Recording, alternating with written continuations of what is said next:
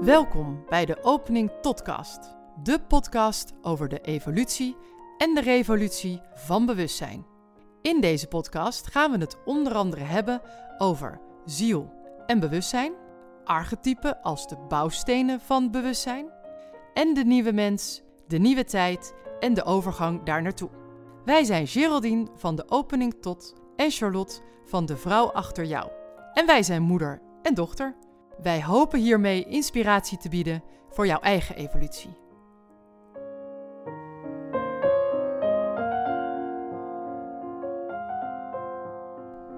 Nou mam, daar zitten we weer.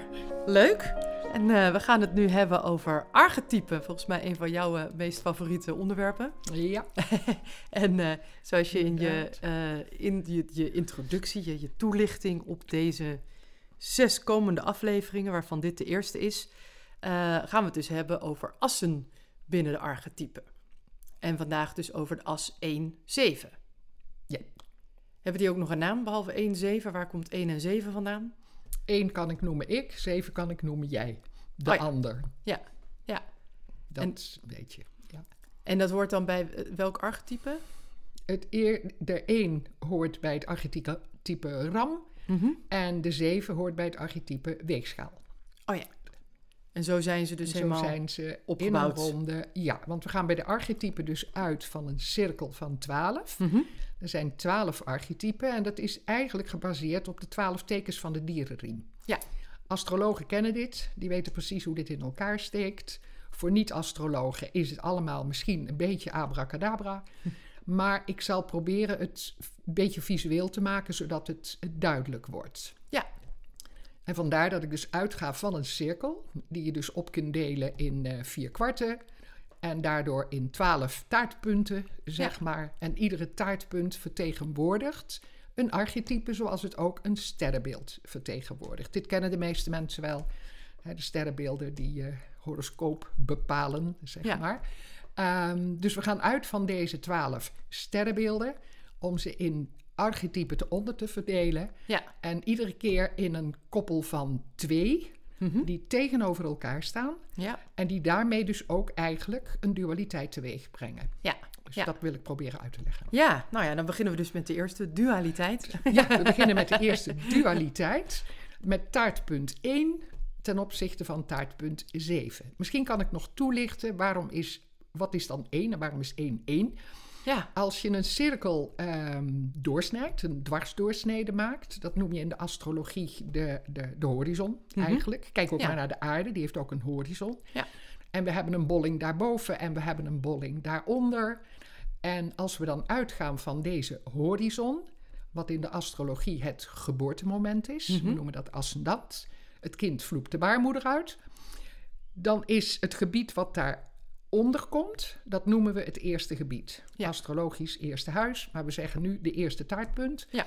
En dat noemen we dus één. En die wordt ge- gekarakteriseerd door de energie van het sterrenteken Ram. Alle sterrentekens vertegenwoordigen een energie, zo boven, zo beneden. Ja. En ons totale individuele plaatje bestaat dus uit een samenspel van verschillende energieën. Nu wil ik dus eigenlijk gaan beschrijven hoe de energie van één ehm, in elkaar steekt. Ja, precies. Ja. Wat dat inhoudt. Eh, daarna nemen we de energie van 7, hoe die in elkaar steekt. 1 en 7 staan recht tegenover elkaar en vertegenwoordigen dus eigenlijk een of-of situatie. Ja, ze zijn, ja, ze zijn gewoon Ja. elkaars tegenpol. Ja. Vandaar de dualiteit. Ja. In ons menselijk bestaan zijn we nu in de tijd aangekomen waarin we dus veel te sterk in de dualiteit zijn blijven zitten. Dus de kracht van één eigenlijk in de zwakte van zeven hebben Ja. gezet, zeg maar. Ehm, waar we naartoe aan het groeien zijn, is dat we één en zeven kunnen gaan combineren in onszelf en dus een ontwikkelingssprong in bewustzijn maken. Het gaat Ja. allemaal over bewustzijn. Dat geldt zo voor iedere as. Dus we zullen dit zes keer doen, zodat we dus de andere assen ook met hun krachten en valkuilen en belemmeringen kunnen bespreken. Zodat eh, ja, mensen informatie hebben of, of eh, inzicht krijgen. Oh, dat werkt bij mij zo, daar kan ik Ja. ook wat mee. Ja, ja, Ja? die herkenning kan ik me voorstellen dat mensen wel eh, kunnen hebben. Ja, dat hoop ik. Ja. daar gaat het over. Ja. Nou ja, en dan dus weten ze je te bereiken als ze daar meer over willen weten, Ja. inderdaad. Ja. Maar als we dan, want het gaat er dus eigenlijk om, hè, we zijn dus, wat je zegt, heel erg blijven hangen in die dualiteit. Het is of heel erg in dit geval taartpunt 1 of heel erg taartpunt 7. Ja. En de kunst is dus dat we meer gaan naar het, het, het, het wij. Kan ik, is dat een beetje in het midden? is de bedoeling, ja, het midden zal altijd zitten in wij, omdat de nieuwe tijd is een wij-tijd en Ah. niet meer een ik of jij-tijd. Ja. Hè?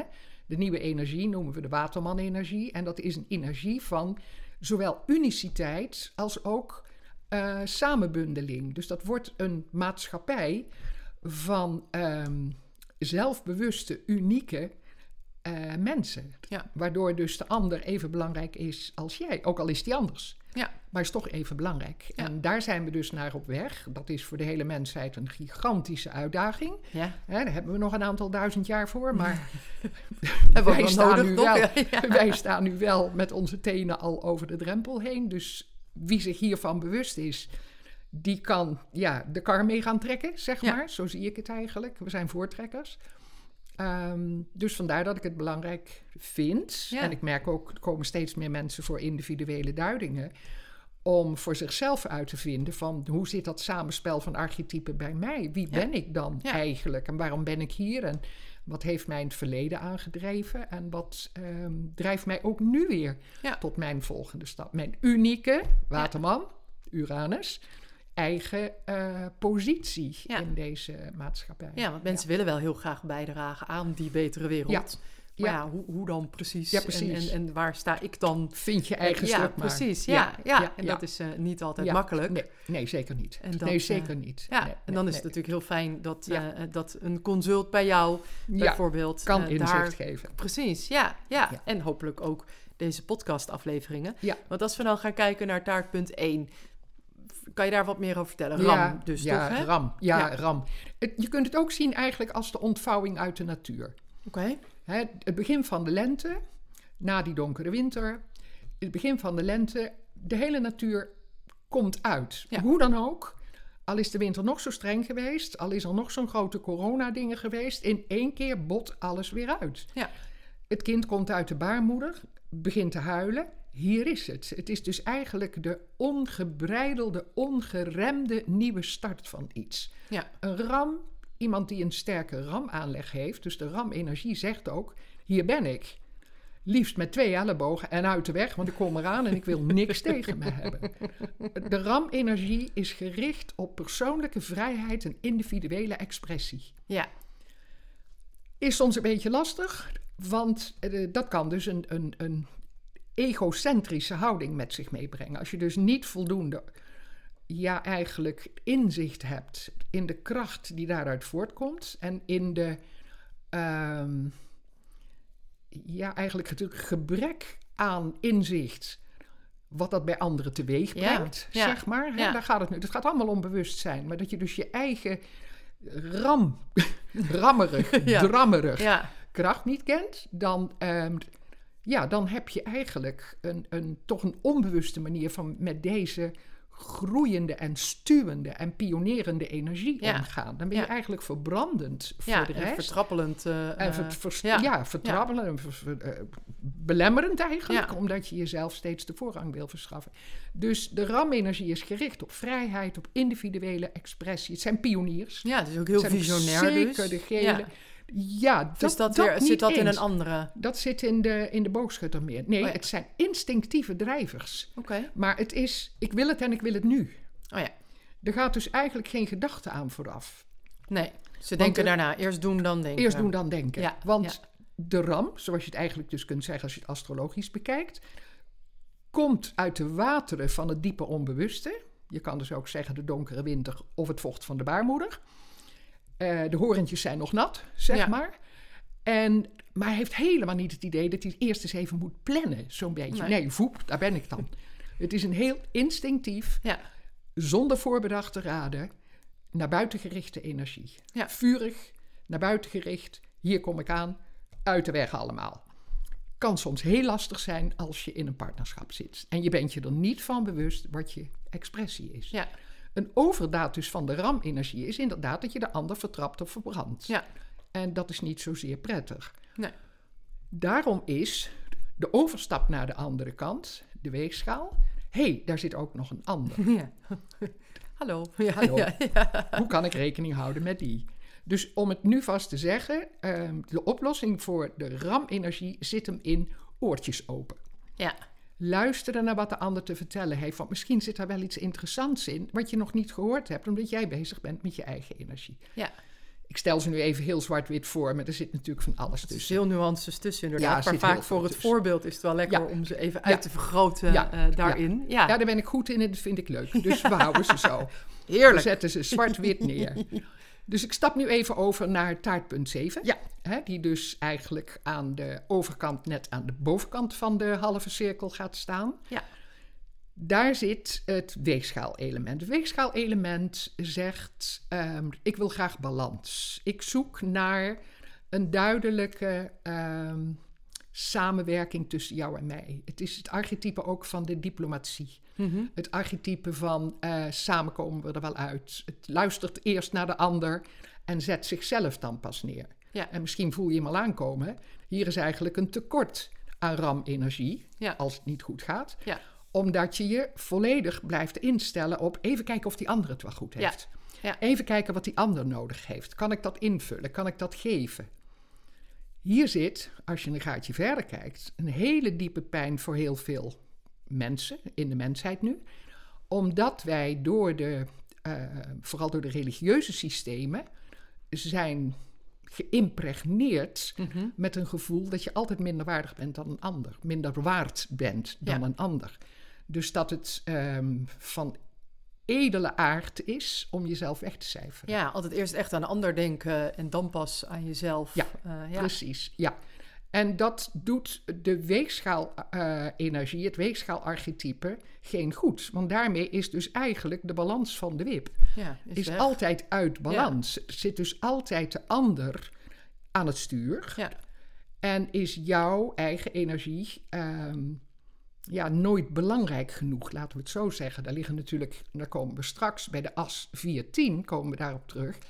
Maar daar liggen dus de, ehm, ja, de emotionele zwakte of de patriarchale overmacht liggen daaraan ten grondslag. Dus daar komen we straks op terug.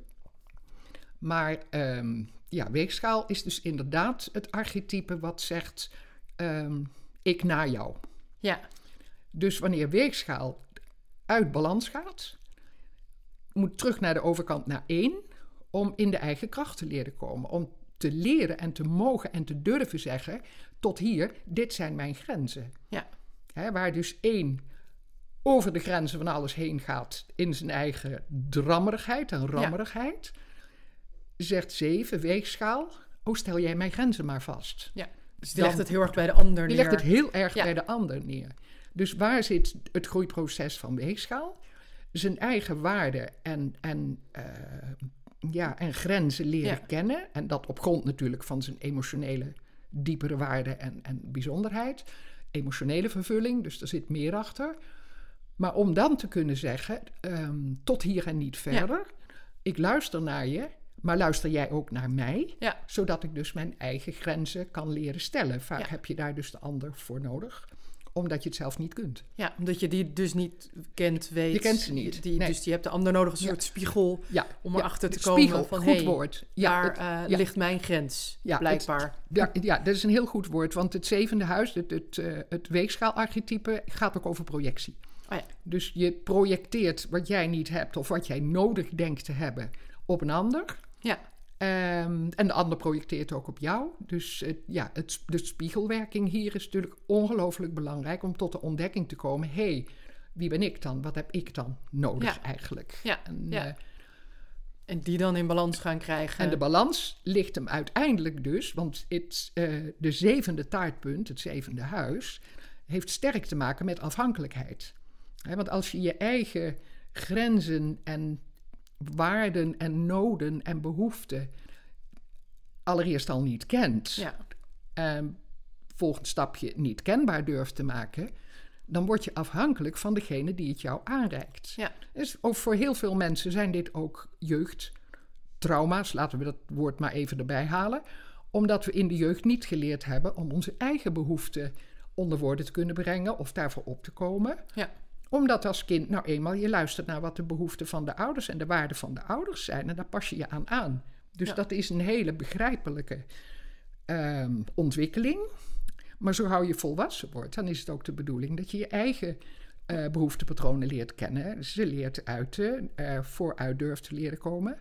Ja. En uit de afhankelijkheid te stoppen, want anders zul je partners blijven zoeken die invullen wat jij denkt nodig te hebben. Maar je Ja. moet het zelf doen. Ja, ja, het moet bij jezelf vandaan Het komen. moet uiteindelijk bij jezelf vandaan komen. En dan zitten we weer in de as 410. Ja. Het vierde taartpunt, huis, gaat om emotionele veiligheid van binnenuit. Ja. En niet bij de partner of bij de ouders of bij de, bij de baan of noem Ja. maar op. Iemand Ja. heeft Iets kan het extern in overal hebben, maar het is extern. eh, eh, ja, Ja, precies. het gaat er echt om dat je intern weer weet te vinden en uit te spreken eh, in, in gelijkwaardigheid, eh, zonder dat je dan Ja. dus inderdaad doorslaat en weer iedereen voorbij ramt Ja. Met je ellebogen en eh, je, je vuur, die natuurlijk dan heel mooi is. Maar ja, dan schiet je dus prachtig daar weer in op de door. goede manier wordt ingezet. En daar gaat dus die bewustzijn steeds om.